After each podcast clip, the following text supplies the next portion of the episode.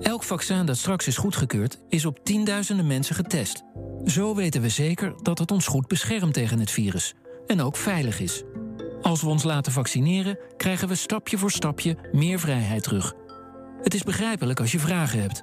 Antwoorden vind je op coronavaccinatie.nl. 120. Weet wat er speelt in Twente. Iedere dag praten we hierbij over alles wat er in Twente gebeurt. Via radio, tv en online. 120. Zorginstelling Karin Dreggeland die gaat een bijzondere eerste hulp bij valpartijen voor ouderen gebruiken, namelijk de heup airbag. En Hengelo voert een half jaar een kind-inclusief beleid. Burgemeester Sander Schelberg en twee kinderen leggen uit wat dat betekent. Rijksmuseum Twente heeft een deal bereikt met een Engelse kunsthandelaar nadat uh, miljoenen euro's in 2018 naar een hacker zijn gegaan. En een onderzoek van, uh, met gebruik van FIFA-data toont opmerkelijke resultaten voor FC Twente. Het is dinsdag 23 maart en dit is 120 vandaag. Vijf tot twintig Twentse ondernemers helpen die zijn getroffen door de coronacrisis. Dat is het doel van boekhouder Stefan Jacobs uit Enschede. Samen met Aaron Schilder wil hij over eh, een maand al hardlopend geld gaan binnenharken voor de ondernemers. De heren die lopen een hele marathon, 42 kilometer dus. En daarvoor laten ze zich sponsoren. En de teller die staat nu op bijna 1300 euro. Waar hoop je dat hij op eindigt, Stefan? Ja, de sky is the limit natuurlijk. Uh, ja, het zou heel gaaf zijn als wij uh, 10.000 euro bij elkaar uh, kunnen sprokkelen. Um, en om uh, ja, 5 tot 20 getroffen ondernemers te ondersteunen die net buiten de subsidies vallen. Ja, ja. ja laten we daar om het, over gaan praten om nog wat extra aandacht te genereren voor je actie. Mooi, mooi dat je er bent. Dankjewel. wanneer heb je voor het laatst getraind? Um, ja, dat was vorige week woensdag. Toen heb ik 25 kilometer gelopen met pijn en moeite. En uh, ja, ik moet nog 17 kilometer erbij op. Um, ja, ik hoop ook dat, uh, ja, dat, ik, dat dit uh, artikel veel publiciteit krijgt voor een extra boost voor mij om die 42 kilometer te lopen. Maar vooral voor de getroffen ondernemers die ik daarbij kan ondersteunen. Heb je het nodig, die extra boost? Is het, is het moeilijk? Nou, ik kan zeggen, het, ik heb het wel onderschat, ja. Ja, ja, zegt ja, iemand 20, met een 20, boer met kiespijn. Dan komt er een klein lachje op het gezicht. Ja, ja. 20 is te doen. Uh, daar kun je goed naar trainen. Ik ben begonnen met trainen in december. Uh, toen heb ik uh, 10 kilometer gelopen. Dus uh, ja, er zit inmiddels 15 kilometer bij op. Dus 25. En ja, nu de resterende 17. ja. Ik vind eerlijk gezegd ook in december uh, beginnen om in eind april een hele marathon te lopen. Ik weet niet goed wie je daarover geadviseerd heeft, maar jij zelf? ja, ik hou gewoon van uitdagingen. Ja, ja, ja, gaan precies. we gewoon doen. Maar heb je iets met, met hardlopen, zeg maar? Kon je al een uh, beetje hardlopen? Ja, mondjesmaat. Ik heb een jaar of vier, vijf geleden wel eens uh, hard gelopen. En ja, door corona word je gewoon heel erg beperkt. je kunt niet naar sportscholen. Dus ja, zo blijf je toch fit op deze manier. Ja, bijna het enige wat je kan doen is uh, hardlopen en wielrennen. Ja, ja, ja. ja. Uh, maar 25 kilometer dus, uh, afgelopen woensdag. Um, tot wanneer ga je blijven trainen? Slash, wat wil je dan op dat moment halen? Um, ja, we gaan zondag 25 april de marathon lopen. Um, ik wil twee weken voorafgaand aan de marathon niet verder lopen dan 10 kilometer. En ja, de aankomende drie weken probeer ik wel toch de 30 kilometer aan te tikken. Ja. Dus ja. die gaat nog drie weken trainen. Ja. En in die drie weken wil je de 30 in ieder geval halen. Ja, ja. En dan die laatste 12 op wilskracht en ja, boost. Ja, boost. Ja, ja, ja. Ik heb een, een, een, een, jongen die ik goed ken, die heeft ook wel eens een marathon gelopen. En de, toen hij dat voor de eerste keer deed, toen zei hij. Um, het is iets geks. De twee, eerste 32 kilometer, daar heb je nog door wat je aan het doen bent. Maar de laatste, die zijn vooral niet per se ook fysiek, zijn moeilijk. Maar die haal je dan wel. Maar zeg vooral psychisch. Op een gegeven moment word je gek. Omdat je, je bent de hele tijd aan het lopen. En wat ben ik eigenlijk aan het doen? Ja. Heb, je, heb je dat punt al bereikt, dat je psychisch gek werd of niet? Tijdens het lopen? Uh, nee, nee, dat punt heb ik niet bereikt. Nee, ik heb normaal een noise cancelling koptelefoon op. En ik uh, luister heel erg naar muziek. En uh, ja, in plaats van ik denk van, hey, ik heb lood in de benen, denk ik van, hey, ik heb vetjes in mijn benen. Zo uh, boost ik mezelf de laatste kilometers door. Ja, en uh, zo wil ik dat die 42 kilometer ook gaan doen. En uh, we gaan er gewoon volle bak voor. Ja, en die, ja. Je, je partner waarmee je dit samen gaat lopen, Aaron Schilder, die loopt met je mee, hardlooppartner. Heeft hij een beetje de kilometers in de benen? ja, hardlooppartner. Het is eigenlijk zo. Ik heb vorige week woensdag een post gedaan op LinkedIn. met de vraag of mensen positief staan tegen deze goede doelenactie. als er meer dan 33 reacties op zijn gekomen met een positieve feedback onderaan mijn LinkedIn bericht, dan ga ik het doen. Nou, het waren er inmiddels meer dan 40 zelfs. Dus, uh, en uh, Aaron die belde mij op, die ken ik via uh, een businessclub. Hij woont zelf in Utrecht. we hebben nog nooit eerder samen hard gelopen. En hij zegt, ja, ik wil dat ook gaan doen. Dat lijkt me gaaf om je daarbij ja, te ondersteunen. Maar die is vorige week ingestapt. Ja, die is uh, eigenlijk uh, die is mij, die heeft mij gebeld, die is vorige week ingestapt. Hij, uh, hij heeft vorige week 15 kilometer gelopen, dus hij moet ook nog aan de bak. Ja. Nou, we gaan het gewoon doen. Ja, ja, ja, ja, ja. heel goed, heel goed, heel goed. Nou, ik vind dit wel, ik vind, jij hebt guts, je hebt guts. Want ja, 42 kilometer, jongens, dat is niet niks, hè? Hey, maar je loopt dus voor die ondernemers. Um, we noemden het al even in de intro, je bent boekhouder. Wat heb je met ondernemers? Ja, ik ben zelf uh, ondernemer puur zang. Ik ben geboren ondernemer. Uh, zeven jaar geleden begonnen vanuit mijn, uh, vanuit mijn slaapkamer. Um, ja, ik hoef niet te veel te vertellen over mijn bedrijf. Want ik vind dat echt de nadruk moet liggen op de ondernemers die ik wil gaan ondersteunen. Mm -hmm. um, ja, ik ken de klappen van de zweep. Um, ik weet ook hoe het is om uh, in zwaar weer te zijn, om daar weer uit te komen. Um, en ik voel ook echt met de ondernemers mee. Ik merk dat de coronacrisis nu best wel lang duurt. Ik zie ondernemers best wel uh, worstelen op financieel gebied. En, uh, en, en ik ook in je eigen klantenbestand? Ja, ook in mijn eigen klantenbestand. We hebben meer dan 100 B2B klanten. En um, ja, je, ja, je ziet ze gewoon uh, ja, struggelen. En uh, hè, waarbij de, de, de, de man bijvoorbeeld op ZZP-basis werkt en de vrouw thuis voor de twee kinderen zorgt. En de man mm -hmm. die heeft nauwelijks inkomsten en uh, nou, die eet zijn buffer op zijn spaarrekening. En het lukt vier maanden. Maar wat ga je de vijfde maand doen? En je valt net buiten de subsidiegrenzen. ja, daar wil ik gewoon echt wat voor doen. Ik ja. heb nou inmiddels vier ondernemers die ik goed kan ondersteunen. Binnen mijn netwerk en een aantal buiten mijn netwerk. En ik zou er graag meer willen hebben. Dus bij deze ook de oproep.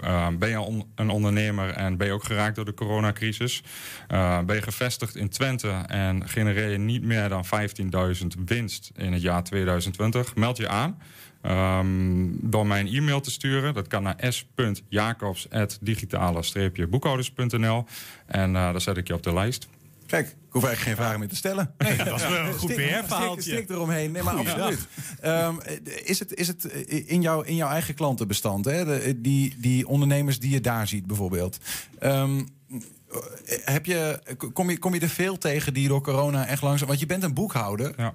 Uh, dat betekent dat je mensen helpt. Soms wat creatief misschien. Soms, je, kunt, je kent de, de wegen in de wet en de, we, de, de, financiële wegen... om zoveel mogelijk geld voor hen te bewerkstelligen misschien. Dat zoveel mogelijk zorgen dat ja, ja een voordeel is. Uh, besparen, ja. ja. Ja, besparen. Maar is het ook frustrerend dat je dus als boekhouder nu eigenlijk... Uh, niet veel, dat je niet veel meer kunt doen dan jij kunt doen... en voor de rest kunt zien van ja, het gaat gewoon kapot soms. Ja, dat is inderdaad ook de reden voor, uh, voor dit initiatief. Ja, het is behoorlijk frustrerend. Helemaal als ondernemer. Je leeft mee met andere ondernemers. Je ziet aan de ene kant ook heel veel ondernemers die juist heel goed boeren in deze tijd. En eigenlijk mijn motto is: de ondernemers die het nu goed hebben, uh, als die de ondernemers kunnen ondersteunen, die nu eigenlijk. Um, ja, eigenlijk op het randje staan van mm -hmm. faillissement. Dan, uh, ja, dan, dan, en, en als die ondernemers op het randje van faillissement toch geholpen worden... en daardoor weer uh, in de economische sferen zijn... Um, kunnen die straks later weer uitgeven aan ja. ondernemers die nu goed geboerd hebben. Zodoende houden we de Twentse economie in stand. En dat is eigenlijk mijn gedachtegang. We moeten de economie in stand houden. Want je, je noemt ook een bepaald uh, uh, eindbedrag wat je wil halen. Die 20.000, of in ieder geval een streefbedrag. Misschien wordt het veel meer. Hoop, laten we dat hopen. En uh, op basis van dat bedrag kun je ook het, het aantal ondernemers eigenlijk selecteren dat je kunt helpen. Hè? Dus ja, hebt... ja, ja, ik zou het toch wel mooi vinden om elke ondernemer eigenlijk wel rond de 500 tot 1000 euro te kunnen geven. Ja. Um, ja, en de sky is the limit eigenlijk. Ja. Waarom uh, ga je uh, eigenlijk een marathon lopen? Waar, waar, waar, komt dat vandaan? Ja, ik hou gewoon van uitdagingen. Binnen mijn bedrijf uh, heb ik um, door corona hebben we alles gedigitaliseerd. Vandaar ook de naam de digitale boekhouders. We waren eerst een traditioneel kantoor, ook al met wat automatisering, maar we hebben nu alles gefine-tuned. Alles mm -hmm. staat voor 100%. Ja, en als dingen lopen vind ik het saai. En dan zoek ik een uitdaging. En, uh, en dus ga je zelf maar lopen? Zo, ja, dan ga ik, ga ik, privé maar een uitdaging zoeken. Ja, ja ik zocht ja. iets en ik dacht van... Hey, uh, ik heb de single loop gedaan uh, van 8 kilometer. En die wou ik altijd al een keer binnen 40 uh, minuten lopen. Dat is één keer niet gelukt. En afgelopen jaar wel gelukt. En um, ik dacht, ja, single loop, 8 kilometer. Ah, dan kunnen we ook upgraden naar een marathon. Nou, laten we dat ja. factor 5. Hè, lopen we vijf keer die single rond. Hè? um, hoe, hoe gaat het er eigenlijk uitzien? 25 april. Nou, laat ik eerst even, want ik, ik zeg zo 25 april. Ehm, de Enschede Marathon zou 18 april zijn, een week daarvoor. Ja. Heb je het bewust rond diezelfde tijd gedaan of zit daar geen Ja, enkele relatie nee, ik heb bewust rond die tijd gedaan. Ehm, ik was ook eh, aan het trainen tot het bericht ehm, in de media stond dat de Enschede Marathon niet doorging. Toen raakte ik best wel gedemotiveerd. Maar ik, denk, eh, ik dacht van, ja, weet je, eh, we gaan het wel gewoon doen. Ehm, dus ik kickbox ook nog. Ik heb mijn kickbox-trainer gevraagd om, eh, om mee te fietsen. Dat wou die. En ehm, ja, de bedoeling was ook om op dezelfde dag van de Enschede Marathon te gaan lopen. Maar ehm, ja, zoals ik al zeg, Aaron zit nu al 15 kilometer. Dus ik heb er nog een weekje bij gegund. Dus eh ja, vijf weken gaan we het gewoon doen. En eh, ja, en... ja, En dan, dan, de vijf, dan, wordt, dan is het 25 april. Ja. Ehm, dan sta je op, eet je een eh, boterham met eh, pindakaas of eh, pasta, weet ik veel, wat Ja, goed is. En ga je dan nog echt een speciale happening? Is dat het plan van maken of wat, wat wil je ermee die dag? Ja, hoe ziet de dag eruit? We starten vanuit. van, ja, het plan is redelijk concreet. Ik heb het goed voor ogen. Het is, ehm, ja, we gaan zondag rond, rond 12 uur starten. Ehm, ja, we gaan starten vanuit Roombeek. We willen van Roombeek naar eh, via het Van Heetpark, Ledenboerpark. willen we eh, om de UT gaan lopen. Vanuit de UT willen we Onder politiebegeleiding? Vaneke. Ja, ik dacht, jij kan ook mooi meelopen. Ja. Nee, ehm, Wow. o- Over Vaneke. En vanuit Vaneke willen we over eh, Airport Twente gaan lopen. Via de Lonnekeberg weer terug naar Lonneke. We moeten de route nog even goed uitstippelen. En eh, ja, dat lijkt me een hele gave route. Dus niet alleen verhard, maar ook door, door bospaden. Eh, ja, dat is wat we gaan doen. En Ja. dan, ehm, ja, ik heb van 12 tot 5 geblokt. Ik wil het gewoon binnen 5 uur gaan lopen. Mijn streef is 4 uur en 15 minuten. Ehm, ja, dat, ja, ik hoop dat, dat het gaat lukken. Ja. En Ja. eh, eh, ik hoorde ook nog iets over eventuele muziekbegeleiding. Er nou nog aan, Ja, aan- ja. over aan het nadenken? Ja, ik ben ermee bezig om, een, ehm, om iemand te charteren voor een livestream. Dus wellicht kunnen jullie mij ondersteunen daarmee. En ehm, eh, als dat gel- gelukt is, dan... eh, ja, ik, heb ik heb een aantal DJ's in mijn netwerk. waaronder DJ Angie Mill en, en Jaf. Die gaan sowieso draaien. Daarnaast heb ik nog een aantal DJ's benaderd... die waarschijnlijk ook komen draaien. Ehm, ja, en ehm, die wil ik eigenlijk in die livestream implementeren. Voor het muziek op de achtergrond en voor het, eh, ja, voor het vermaak voor de, voor de kijkers. Kijk, Ja, the stakes are high. ja. Stefan, mooi man. Mooi initiatief. Ehm, eh, nou, hoge inzet, wat ik zeg. En eh, ve- veel, veel, veel succes om dat te gaan bereiken wat je wil. En op, op sportief gebied, maar vooral op financieel gebied... voor die ondernemers die je wil helpen. ja, daar gaan we voor. Dankjewel. Stefan Jacobs hoort u. Succes met de laatste trainingsloodjes. Ieder jaar dan worden duizenden senioren in het ziekenhuis opgenomen met een eh, gebroken heup. Om ouderen tijdens een valpartij beter te beschermen, gaat de zorginstelling Carint Regeland nu eh, de Walk Airbag inzetten. Je moet de heup beschermen bij een, bij een valpartij. Ik kan er allerlei eh, voorstellingen bij hebben. Maar eh, we kunnen daar ook gewoon eventjes over praten en er eh, wat dingen over vragen aan uh, Karin Morskieft. Ze weet er alles van. Is projectmedewerker zorgtechnologie bij Carint Regeland. Karin, kom lekker zitten. Goedemiddag. Goedemiddag. Ehm, is- is de microfoon zo goed voor je? Anders... Zo. Kunnen we een beetje Kijk. bij... eh, Ja, eh, misschien gewoon die eerste vraag. Een heup airbag. Ik heb daar een beeld bij. Maar leg eens uit, wat is dat? Ja, een heup airbag is eigenlijk gewoon een soort van eh, riem of een gordel. Zo moet je dat een beetje voorstellen. Waar aan de allebei de zijdes een flapje zit. Een eh, stoffen flapje. Die zich eh, kunnen eh, volblazen.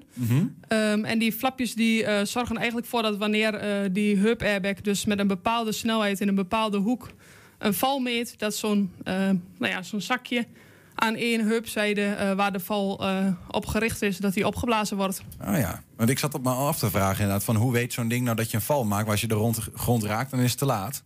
Ja, dat klopt. Ja, er Ja. zitten sensoren in. Er zitten zes sensoren in die meten snelheid en hoek.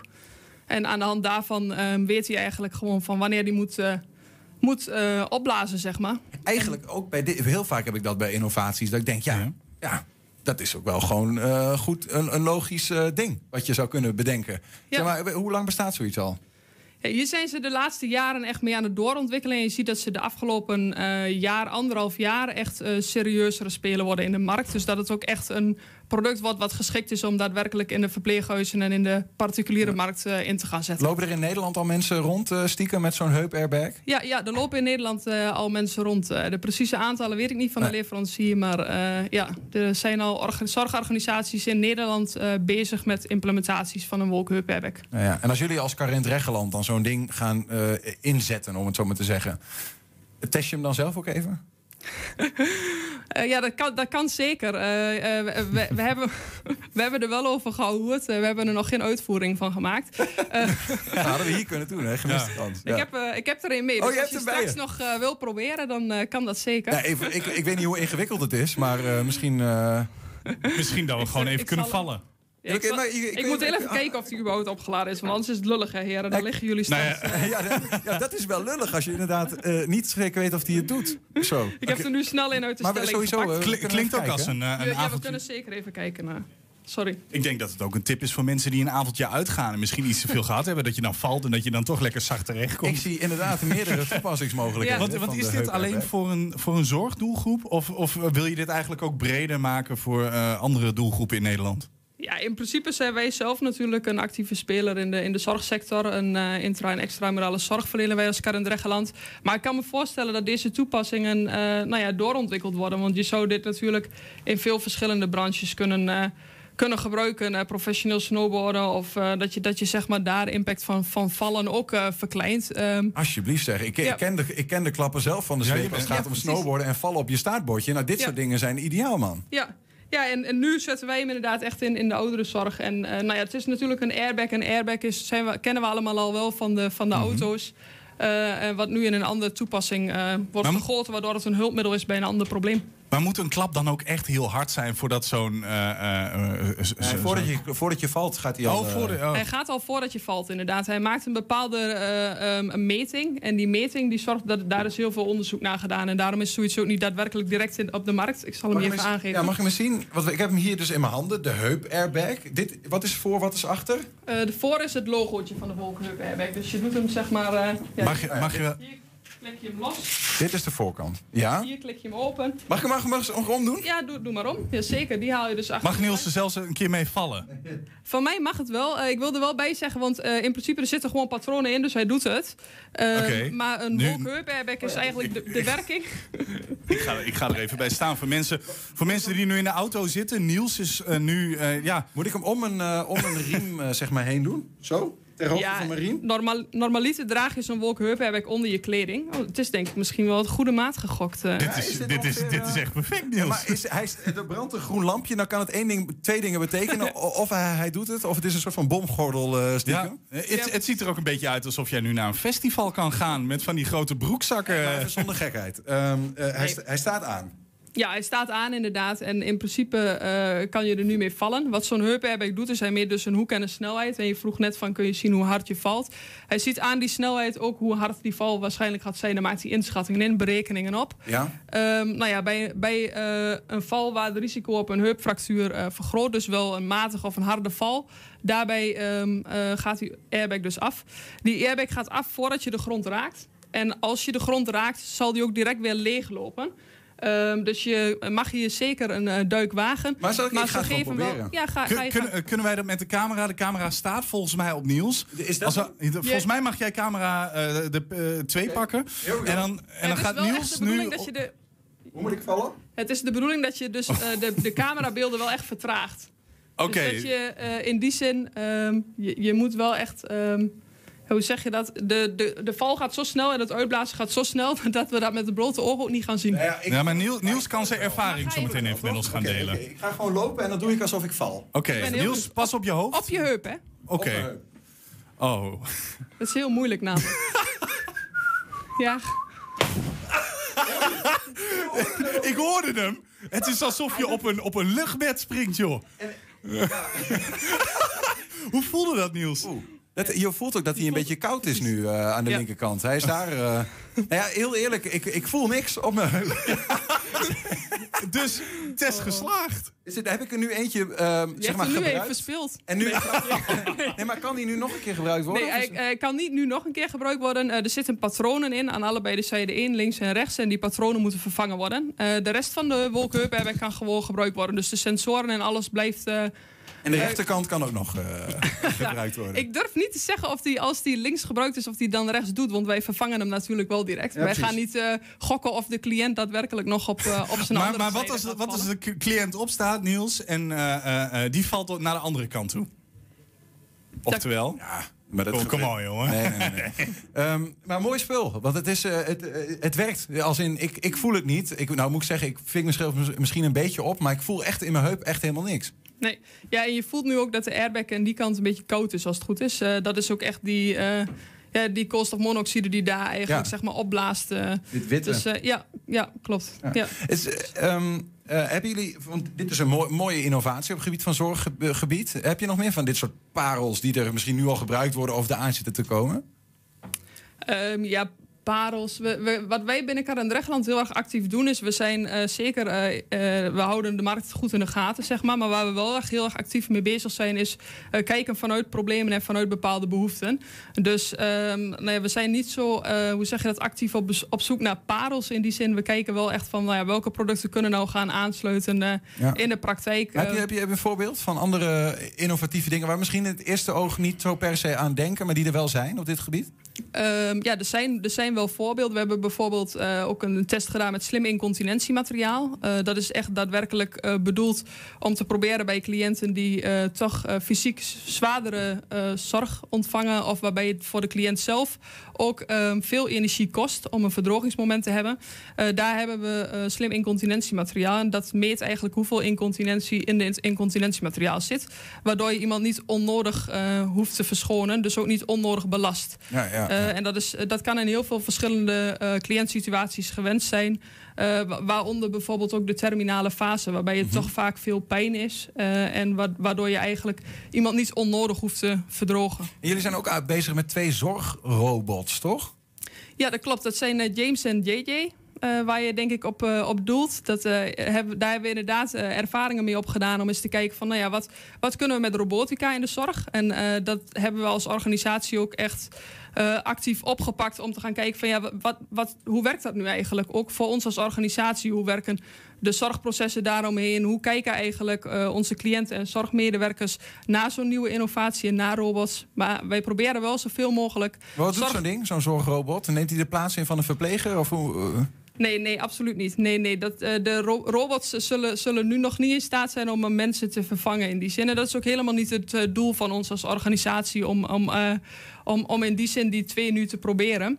Wij kijken zoveel mogelijk eigenlijk naar van nou ja, hoe kunnen die, die dingen dus ook um, uh, problemen of uh, behoeftes uh, vervullen. Ja. En bij die robots was het echt een, een beetje oriënteren van nou ja, kunnen robots bijvoorbeeld ook de weg gaan wijzen in, in verpleeghuizen. we hebben bijvoorbeeld een, een Tante Co, dat is een scherm ehm, waarop cliënten uh, vragen kunnen beantwoorden. Bijvoorbeeld van, nou ja, uh, wat zou u zaterdag lekker vinden als snack? Uh, waardoor zij daar antwoord op kunnen geven. En nou bleek dat enkele cliënten de weg nog niet zo goed weten naar Tante Co. En dan proberen we dus weer door middel van een James of JJ uh, de cliënten begeleiden naar zo'n tante co. Maar dat wordt ook zeker wel gedaan door, door medewerkers. Maar dat zijn ja. gewoon dingen waar we mee aan het experimenteren zijn als organisatie. Het, het is ja. een hulp en niet per se altijd een vervanging of wat dan ook. Absoluut, het is een hulpmiddel. En dat zou bij zo'n hulp heb ik ook zijn. Daar moeten we ook niet heel Nederland mee uitrusten. Maar voornamelijk kijken van nou ja, welke cliënten zijn eigenlijk valgevaarlijk. Zijn daar ook interventies voor om eigenlijk de val zelf, het valgevaar zelf al te beperken? Ja. Is dat niet meer mogelijk? Want denk bijvoorbeeld een dementerende cliënt niet aan een aan een, uh, uh, aan een hulpmiddel, bijvoorbeeld een rollator, ja, dan zijn zulke hulpmiddelen weer mooi, omdat je daarmee de impact van de val. Geweldig. Mooi materiaal. Goede en, test. en hij doet het. Ja, ja, je zegt geslaagd voor de test, ja. um, Karin Morskieft, dankjewel voor je uitleg en voor je komst. Helemaal goed, dankjewel. Zometeen praten we met de drie Hengeloers over hun nieuwe kind-inclusieve beleid. Namelijk de burgemeester en twee kinderen. Maar eerst in onze rubriek Hengeloos Erfgoed gaan collega's Arjen Waanders en Henk ten Harkel dit keer naar een kerkhof aan de Bornse straat. Volgens Henk misschien wel het oudste kerkhof van Nederland. Hier ligt letterlijk een belangrijk stuk van geschiedenis van Hengelo.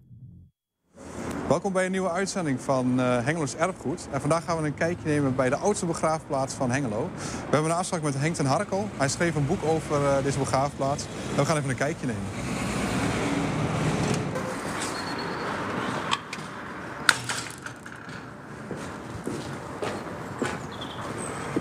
Hi Henk. Hey, goeiedag. Leuk je weer te zien. Zo, Ja. zeker. Was hier al eens eerder geweest? Ik ben hier nog nooit eerder geweest, nee. Nou ja, het is... eh, ik denk, ik heb het nooit kunnen bewijzen hoor, en eigenlijk niemand. Maar ik denk dat we op het oudste eh, kerkhof van, eh, van Nederland rondlopen nu.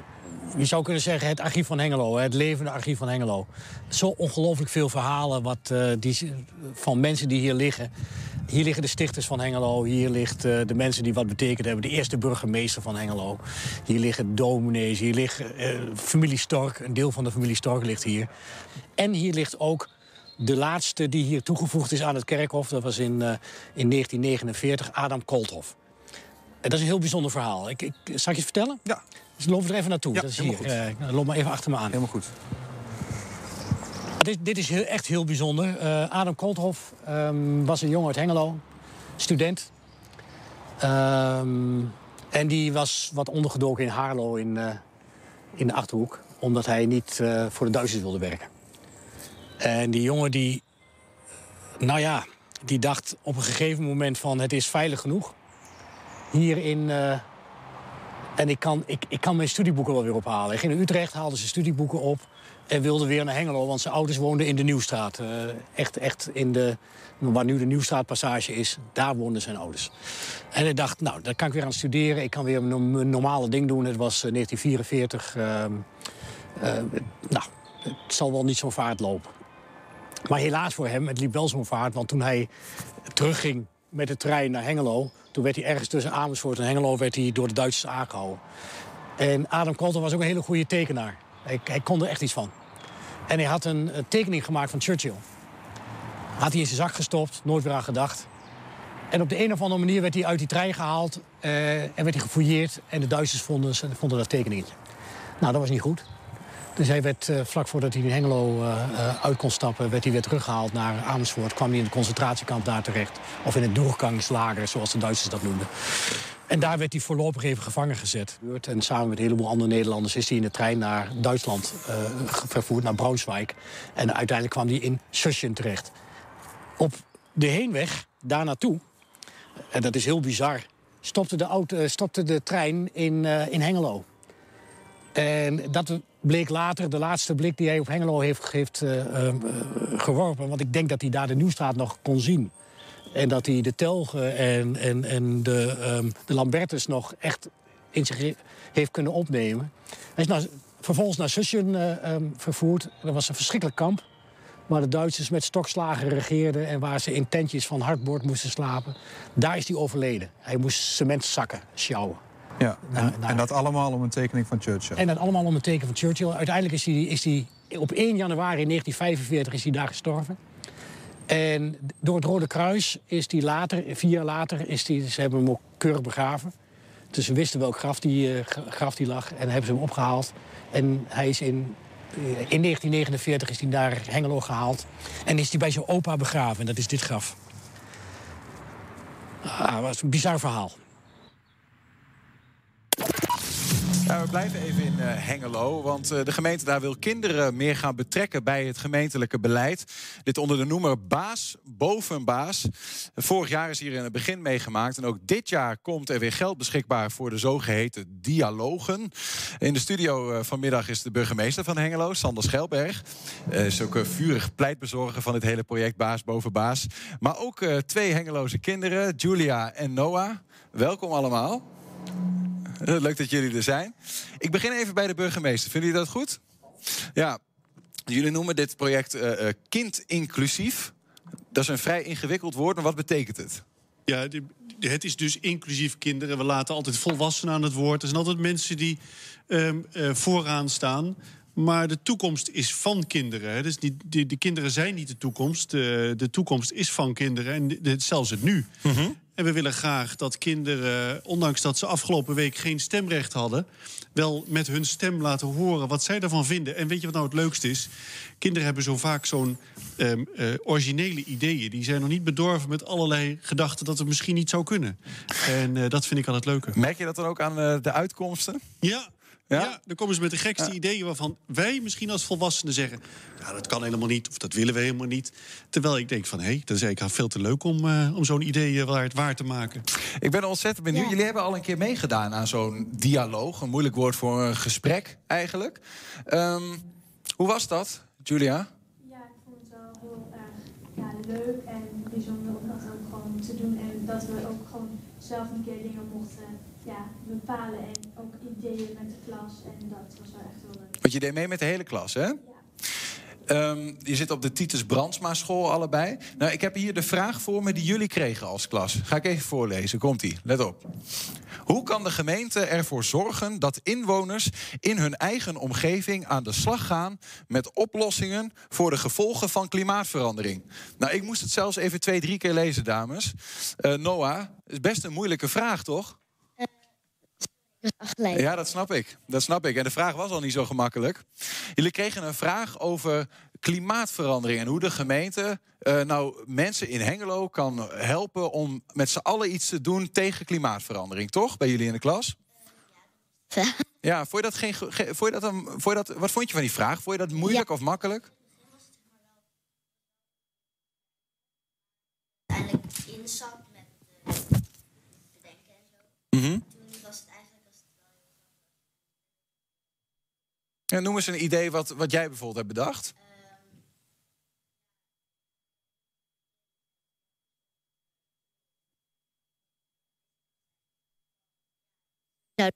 kan er niet fout gaan. Goed. Een meisje uit mijn klas die begon ermee met bomen ruilen en dat soort dingen. Dus eh, zaadjes te eh, zeg maar een idee geven. En dat soort dingen kwamen eruit. En dan was het wel grappig om zeg maar om te horen en te zien hoe kinderen daar dan over dachten. Je, je leent een zaadje en dan plant je een boom. En van de zaadjes die uit die boom komen, die geef je weer door aan anderen. Ja, zoiets. Oh, wat een leuk of idee. bijvoorbeeld bomen ruilen, dat je dan een kleine tuin maar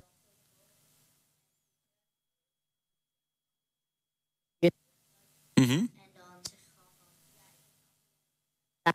eh, wie wil hem? En dan uiteindelijk haal uit de En dan. eh, Kijk aan, je kunt het goed uitleggen. Zijn er nog meer van dat soort hele duidelijke ideeën ontstaan, Julia? Meer tuincentrums. Ja, dat was eigenlijk een beetje waar het vooral om ging. Bij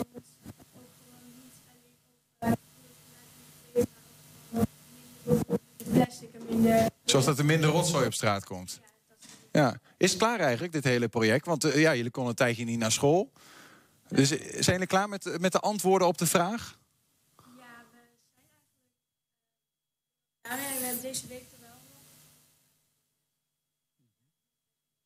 Nadat we bij de burgemeester waren geweest. Ehm, Oké, want jullie hebben de antwoorden doorgegeven aan de burgemeester. ja, En de burgemeester die moet er nu wat mee gaan doen. ja.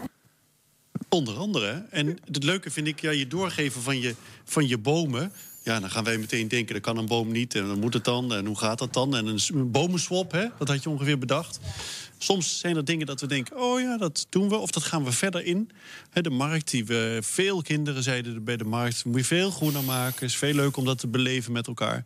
Dat heeft ook toegeleid dat het echt wel een verandering in het ontwerp is eh, geworden. Je kunt overigens voor het... En daar kun je ook meer mee doen, daar hadden we het net ook even over. Eh, die hele grote potten die voor het Centraal Station eh, in eh, Hengelo staan... die grote rode potten, staan ook van die bomen in. Ja, in wezen is dat ook een soort bomenswap. Want die kun je dan ergens anders weer neerzetten. Want soms staan ze in de weg voor de kermis of noem maar op. Nou, ehm, kinderen hebben ook gezegd, al die parkeerplaatsen... Eigenlijk doodzonde dat dat niet groen is en dat dat water niet weg kan lopen.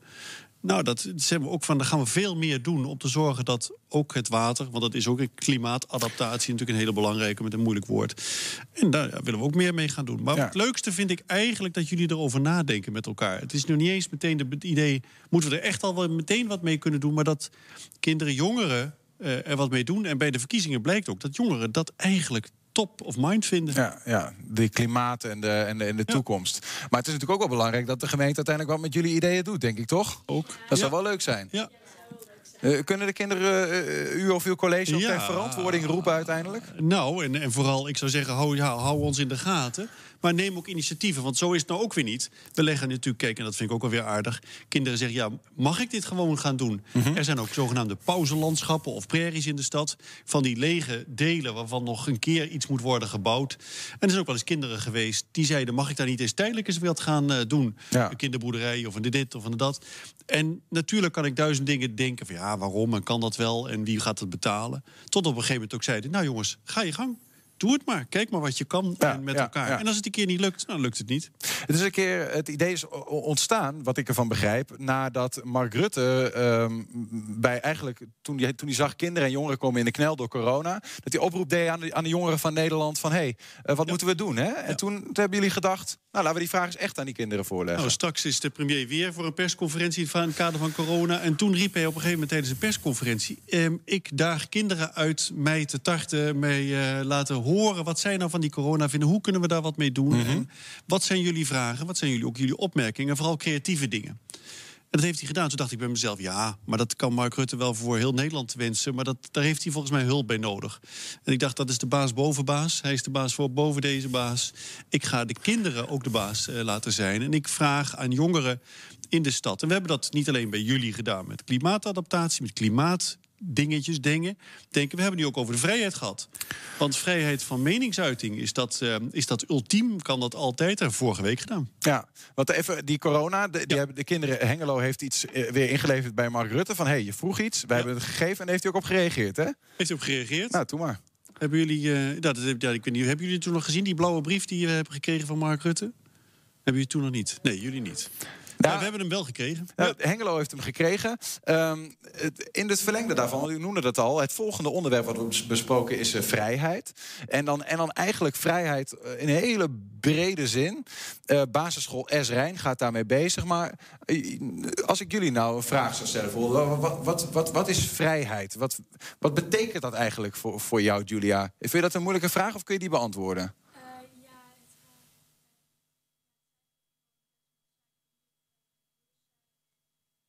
Geloven wat je gelooft. Het maakt niet uit of je nou katholiek bent of protestant. Dat maakt niet uit. zijn en dat is eigenlijk wel mensen zijn. en aan vrijheid. En Noah, hoe moeten we nou zorgen in Hengelo dat we voor altijd vrij blijven? Wat moeten we dan eigenlijk doen, denk je? Of laten? Lastige vraag. Ik weet niet of ik zo... Ga ik hem anders stellen?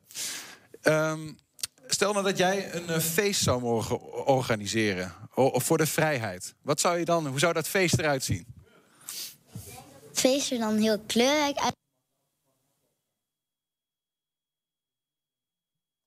Eh, je kunt kleuren kun je ook voor allerlei dingen. Bijvoorbeeld paars voor iets prikkelbaar of rood voor. Maakt dan in de regenboog maakt dat dan zeg maar geen verschil. Hij heeft wel de kleur die er wel. Ja, dat hoort er allemaal bij. En Ja. samen vormt het één geheel. Ja, dus- Zeg maar gewoon daar zie je een streepje. mhm. Het is gewoon allemaal geplakt. Ik krijg gewoon signaallossers. Prachtig idee. Ik vind het een belangrijk idee. En ik, wat ik, eh, toen ik kwam, toen vierden we de bevrijding van Hengelo.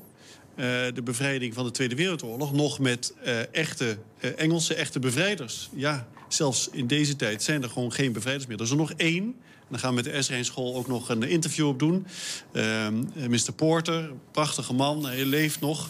Maar eh, ik merkte ook dat als die bevrijders, de echte bevrijders, wegvallen... ja, hoe ga ik nou met jullie bevrijden, eh, bev- vrijheid vieren? En vooral met jongeren.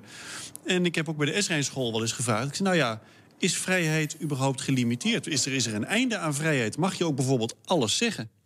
Eh, vind je dat vrijheid van meningsuiting zo ver gaat dat je echt alles mag zeggen? Hoe denken jullie er eigenlijk over? Je zou, volgens mij zou je wel alles mogen zeggen, maar het heeft wel een eindpunt, zeg maar. Je moet een mening kunnen uiten, maar het heeft ook wel een punt, zeg maar, van...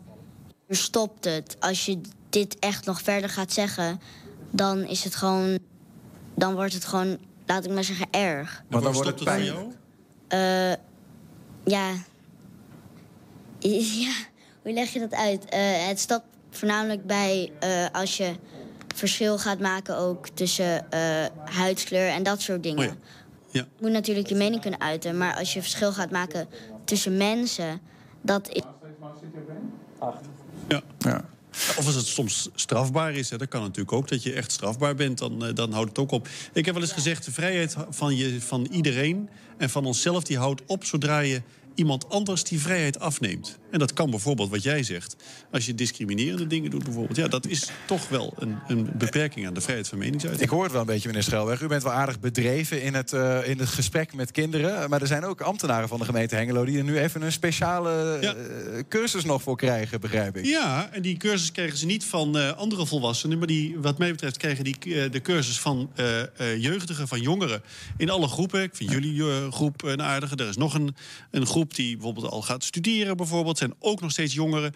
Ehm, en die wil ik ehm, gaan eh, ja, koppelen aan de ambtenaren... en, zeggen, en met hen een open eh, gesprek hebben... eh, wat nou van belang is voor jongeren. En ook hen te trainen in hoe jongeren denken... of hoe je de gedachten bij jongeren kunt ophalen.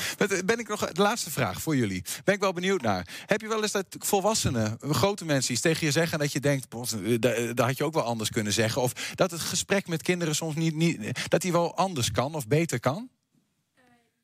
Is Nee, ook gewoon op een volwassenen die denken van, ja, ik kan dit wel bijvoorbeeld. Echt, maar het kan bijvoorbeeld bij kinderen. En heel grof eigenlijk of gemene overkomen. Dus eigenlijk, ja, dat- ik heb eigenlijk niet echt iets meegemaakt dat iemand op straat iets zei eh, tegen mij wat ik totaal niet leuk vond of zo. Maar ehm, ik heb wel bijvoorbeeld van andere kinderen of zo gehoord een keer dat ze bijvoorbeeld ehm, allemaal rare woorden werden gezegd op straat. ehm, en niet alleen van ja, tieners of zo, maar ook gewoon van volwassenen. Dus ook de manier waarop je praat moet je er wel rekening mee houden. Dat je soms, eh, nou ja, iets liever bent misschien wel. Ik Ja. moet altijd zo lachen bij, het, eh, bij eh, politici die naar het jeugdjournaal moeten. En dan wordt er tegen zo'n politicus gezegd... eh, nou moet je het wel zodanig begrijpen dat iedereen het begrijpt. En daar heeft u het moeilijk mee. Dat vind ik altijd zo leuk. Moeten ze het wel vijf keer over doen. Ja. Ja, dan zie je bijvoorbeeld bij, eh, dan zijn er van die dingen en dan bijvoorbeeld eh, Mark Rutte komt dan op bezoek en dan, eh, en dan zie je echt dat hij soms even na zit te denken van, oké, hoe ga ik dit goed verwoorden? Hm. Zo. Mooi, hè? Ja, dus dan- zo helpen jullie als kinderen weer om eh, meneer Schelberg en zijn eh, mede-mensen bij de gemeente eh, Hengelo te helpen om, eh, nou ja, dat was in Hengelo doen, wat meer begrijpelijk te maken en ook voor kinderen eh, mooi en goed te maken. Dank jullie wel. Ik, ga, ik moet hem gaan afronden, Noah, want ik had je heel graag het laatste woord gegeven, maar we moeten verder. Het was eh, Julia Moro- Muroni bij ons en eh, Noah Schreier en burgemeester Sander Schelberg van Hengelo. Dank jullie wel voor je komst. Dank jullie wel. Ja, toen dit eredivisie-seizoen begon, had menig FC Twente-supporter het nooit voor mogelijk gehouden dat zeven wedstrijden voor het eind van het seizoen de Enschedeze club achtste staat. Alleen als, het aan de on- eh, eh, alleen als het aan de onderzoeken van eh, Flyer Alarm ligt, hadden ze dat voor aanvang van het seizoen al kunnen voorspellen. Flyer Alarm heeft zich verdiept in de ratings van de spelers in het voetbalspel FIFA. Ehm, en daaruit blijkt dat FC Twente dit seizoen hoog zou eindigen. Aan de telefoon is onderzoeker Maarten Timmermans Zubani. Eh, Maarten, goedemiddag. Hi, goedemiddag. Hallo. Jullie hebben eh, eh, meerdere interessante uitkomsten uit het onderzoek gevonden, als het klopt. Ja, ja zeker. Ja. Want eh, eh, eh, wij kijken nu eventjes voor de mensen die via YouTube meekijken. Ehm, jullie hebben FC Twente door de jaren heen ge- meegenomen. En daar is een, een soort van opstelling uitgekomen die jullie, die jullie zeg maar hebben gevonden. Ehm, laten we eerst even beginnen. Wij kijken daar nu naar. Er zijn elf spelers die daarop staan. Zullen zo even langslopen. Maar hoe komen jullie bij deze gegevens? Ja, het- vanuit, eh, vanuit Flyer Alarm hebben we eigenlijk eh, in een samenwerking met een bureau Digital PR... hebben we gezegd, we, we willen gewoon meer, met, eh, ja, meer naar voetbal kijken. Er zitten, er zitten zoveel interessante kanten aan. En dat gaat wat verder dan de nummer 1, 2 en 3. Ja. Dat komt ook wel omdat de Flyer Alarm is van origine een Duits bedrijf. Hè, en daar sponsoren we bijvoorbeeld de, de, het dameselftal, het Duitse dameselftal. Uh, we hebben een eigen voetbalvereniging, de, de Würzburger Kickers. En nou ja, zodoende in Nederland willen we daar ook gewoon veel meer mee doen. En zijn we gaan kijken naar de eredivisie in, in Nederland. En daar hebben we eigenlijk van de afgelopen tien jaar hebben we eredivisie-spelers bekeken in het spel FIFA. En dan heb je een soort van digitale spelerskaarten. Ja, want wat, hoe ziet dat er precies uit? Wat is een rating, zeg maar precies? Ja, dus een, een speler in FIFA die wordt op een, uh, op een aantal uh, categorieën zeg maar, wordt die, wordt die beoordeeld. Dus bijvoorbeeld hoe goed kan hij dribbelen, hoe goed kan hij verdedigen, hoe goed is hij in penalties, in behendigheid en nou, noem maar op. En aan de hand daarvan krijgt hij dan een puntenaantal. En dat maakt iemand een goede speler of een minder goede speler. En dan het, het team zelf, dus FC Twente bijvoorbeeld, ja. krijgt dan ook een rating aan de hand van hoe de spelers in dat team zich gedragen. Ja. En het leuke is dat je daarmee dus ook kan kijken wat zou nou echt het allerbeste Nederlands elftal zijn. Wat, wat zou het, het ultimate eredivisie team zijn uh, over de afgelopen tien jaar. En, en, en dat zegt dus ook wat over hoe het in het echt nu staat. Want als jij nu uh, in jullie onderzoek even gaat kijken wat jullie gedaan hebben. Uh, hadden jullie dan verwacht, verwacht dat FC Twente een beetje rond deze plek ook zou zitten qua ratings? Nou, het gekke is, FC Twente springt er een beetje uit, omdat hij het in het spel eigenlijk zou die, zou die zelfs drie punten hoger moeten staan. Terwijl het merendeel van de teams die we geanalyseerd hebben, klopt de ranking ook. Uh, dus dan zit er meestal zit er maximaal één plaatsje tussen. Dus, uh, dus waar iemand staat in FIFA in het spel en waar iemand staat in de Eredivisie. En ja, Twente is, zou dus volgens onze analyse had het eigenlijk een stukje beter moeten doen. Drie punten en, of drie plaatsen analyse, hoger, Maarten? Drie plaatsen hoger. Drie plaatsen dus hoger. Twente zou dan vijfde moeten staan. Ja, vijf of zes uh, zou, zou mogelijk moeten zijn. Maar wat zegt dit dan over FC Twente? Of over de coach? Of over de... Ja, nou, dat is een heel moeilijke. dat, uh, we hebben samen met, uh, met Digital PR hebben we hier natuurlijk ook wel lol over. Omdat iedereen is toch voor zijn voor zijn eigen clubje. En nou, ja, de, de stemmen gaan ook een beetje op. Ja, de spelers hebben op papier de vaardigheden die nodig zijn. Dus ja, dan ligt het toch ook ja. ergens aan de coach. Maar ja, ik, ik laat me er niet persoonlijk over uit. Laat en, het zo houden. En uh, uh, voor mensen die nu geïnteresseerd zijn, we hebben in onze video, die later ook op YouTube te zien is, hebben wij even die gegevens ervoor staan. Maar waar kunnen mensen dit onderzoek terugvinden als ze toch wel benieuwd zijn waar hun clubje zeg maar is? Ja, dus het makkelijkste is om even te, te googlen op de zoektermen Flyer Alarm en FIFA. want dan komt hij komt bovenaan. Ja. de, de URL zelf die, die is wat lastig voor te lezen en nog lastiger te onthouden. Oké, okay, dus uh, uh, ga eventjes kijken bij Flyer Alarm en typ gewoon FIFA in. Dan kom je hier terecht. Uh, Maarten... Nee, dus ik zou hem op, op Google doen. Op Google, dan doen we dat in ja. de Google-zoekbalk. Maarten Timmerman, mag ik jou bedanken voor dit, dit interview. En succes nog met het verder uitpluizen van alle FIFA-gegevens. Dankjewel, we gaan er zeker verder mee. Mooi, dankjewel. Maarten Timmerman was dat. Dan een hoofdpijndossier van hier tot Tokio was het. Of ja, eigenlijk tot Hongkong. Maar nu is er eindelijk een deal tussen Rijksmuseum Twente en de Engelse kunsthandelaar Dickinson. In 2018 dacht het museum in Enschede 2,6 miljoen euro over te maken naar Dickinson om dit meesterwerk van landschapsschilder John Constable te kopen. Maar in werkelijkheid gingen die miljoenen naar een hacker in Hongkong. Rijksmuseum vond wij hebben betaald, dus het schilderij is van ons. Maar Dickinson had die betaling dus nooit ontvangen. Meer dan twee jaar vechten en meer dan 4000 mailtjes volgden. Maar die zijn uiteindelijk niet voor niets geweest. Er is nu een deal. Het schilderij blijft definitief in Enschede. Rijksmuseumdirecteur Arnold Odding is aan de telefoon. Gefeliciteerd. Ja, bedankt. We zijn uh, ongelooflijk blij. Een hele mooie dag uh, voor het museum. Dat kan me voorstellen, ja. Wanneer was de deal rond? Um, ja, een paar weken geleden is uh, de deal uh, rondgekomen uh, en we konden er nu mee naar buiten komen. En wat heb je toen gedaan? Hoe bedoel je? Wat heb je nou, heb je toen even een dansje in het park gemaakt? Of zeg maar, want volgens mij was het nogal een dingetje de afgelopen jaren. Ja, nee, de, de, we, we hebben inderdaad absoluut... eh, de, ik heb een fles champagne opengetrokken. Want eh, dit eh, was echt wel een fles cha- champagne waard om dit te gaan doen. Want het was inderdaad een, een hoofdpijndossier. Ja, ja, ja. Wat kun je over de uiteindelijke deal zeggen? Ja, niet veel, want we hebben een overeenkomst gesloten met de kunsthandelaar. En in die overeenkomst is ook vastgelegd dat we daar heel weinig over de inhoud naar buiten kunnen brengen. Mhm. We weten wel dat er eh, ook geld door het Rijk in Nederland eh, bij is gelegd om proceskosten en eventuele kosten voor het schilderij alsnog te betalen, toch? Ja, klopt. Het ministerie eh, heeft ons eh, heel erg eh, goed geholpen. Wij hebben vanaf het allereerste begin ehm, in eh, 2018 hebben we heel goed contact hebben we onderhouden met het ministerie.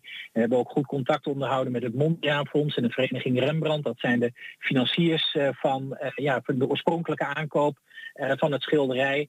En eh, ja, we hebben ze voortdurend geïnformeerd over wat er aan de hand was en wat de voortgang was. En op een gegeven moment heeft de minister ook besloten dat eh, het museum eh, ondersteund eh, zou worden om het probleem dat eh, ja, toen is ontstaan om dat te helpen oplossen. Ja. Heeft het jullie nog extra geld gekost uiteindelijk?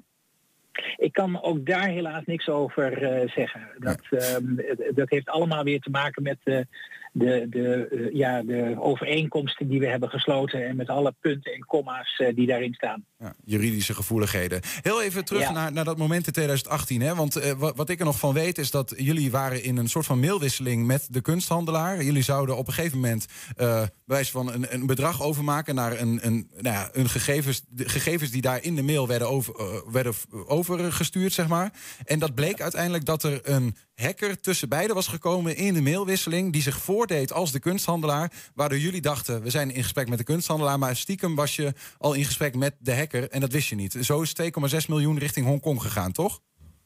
Ja, daar komt het op neer. Ehm, het, was nog wat ingewikkelder, want het is een hele ingewikkelde, eh, gecompliceerde eh, manier van, ehm, ja, van, van je wringen als boef zijnde eh, tussen een koper en een verkoper. Ehm, eh, het was een, business e-mail compromise, heet zoiets. En ehm, dat is in Nederland, is, was dat eh, in de kunsthandel was dat in ieder geval nog nooit eh, voorgekomen. Ehm, het was wel eens wat voorgekomen bij ja, bijvoorbeeld de, de verkoop van een jacht of van nou ja, allerlei andere zaken. Maar in de kunsthandel was het niet voorgekomen. En, maar je moet je voorstellen dat er hele ja, gespecialiseerde boeven ergens zitten op deze wereld. Ik heb geen idee waar ze zitten. Maar ik stel me voor dat ze ergens in een of ander flatgebouw zitten, een eigen verdieping hebben.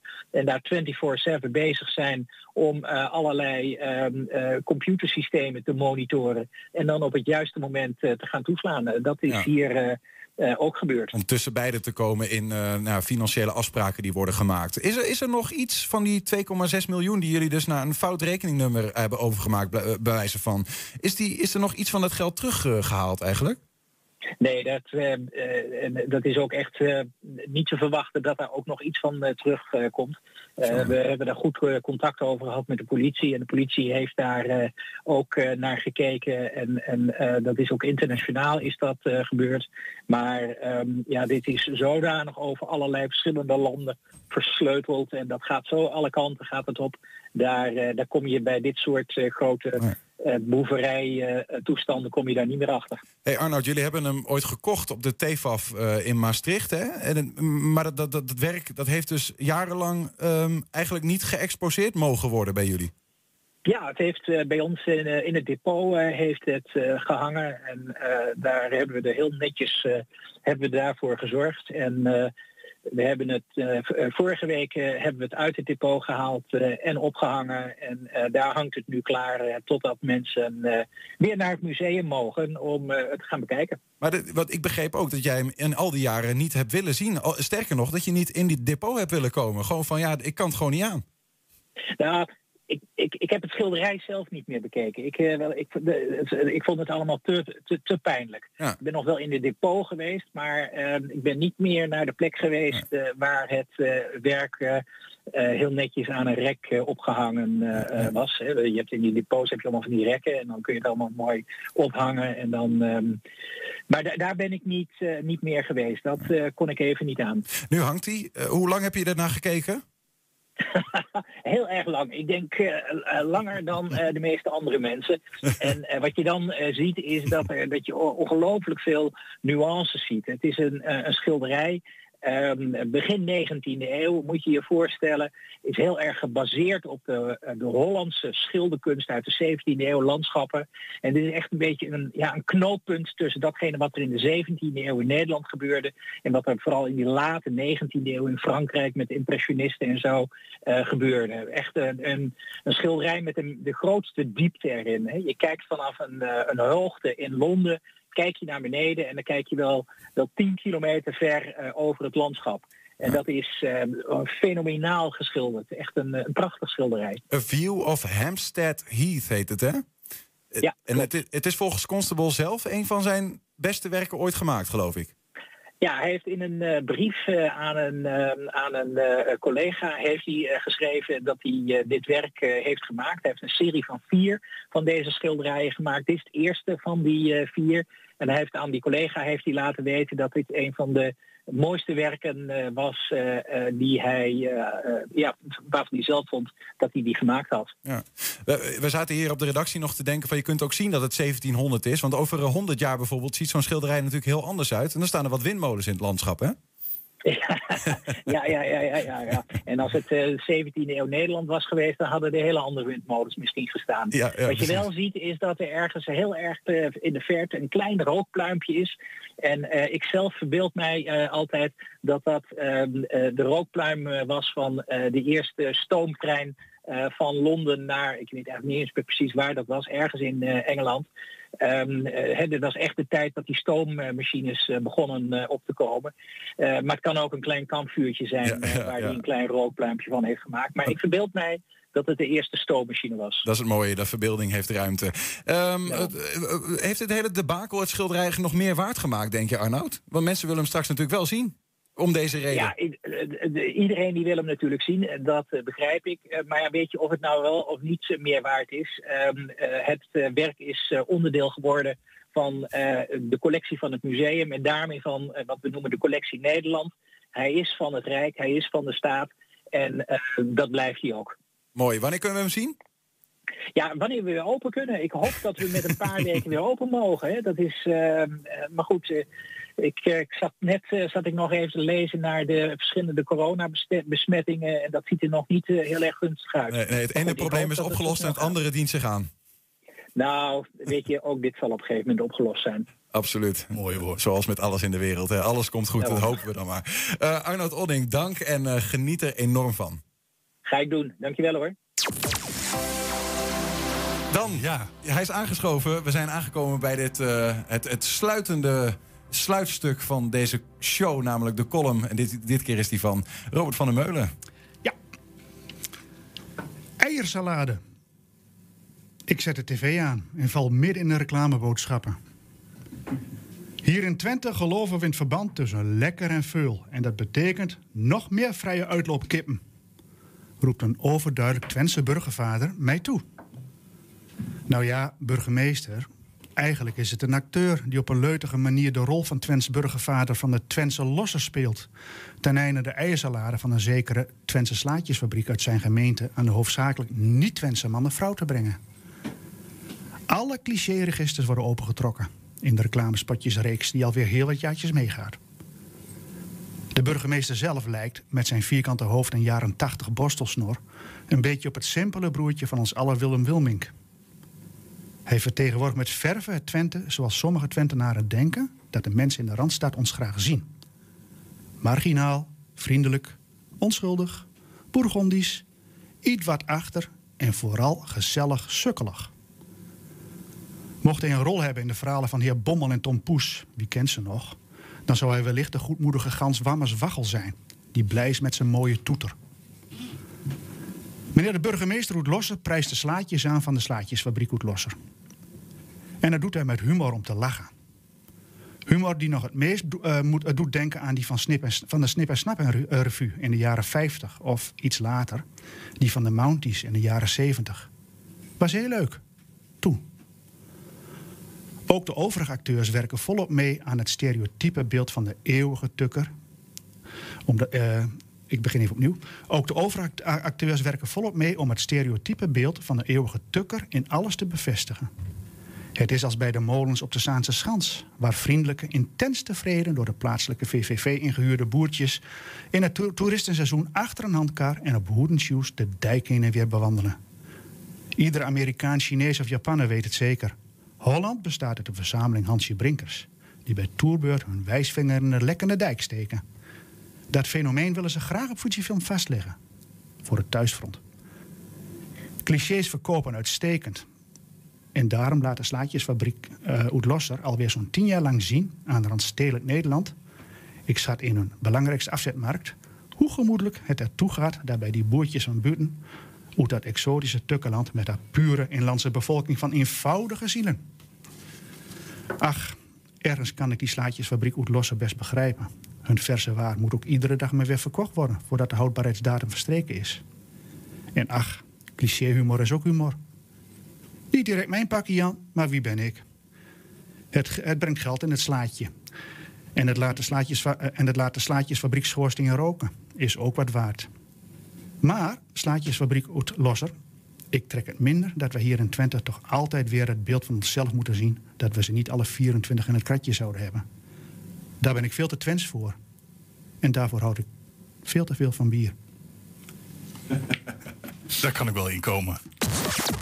Uh, moet ook denken aan die reclame die ze ooit hadden. Deze slaatjesfabriek Losser. Hè, met die oma en zo. Ken je dat deuntje nog?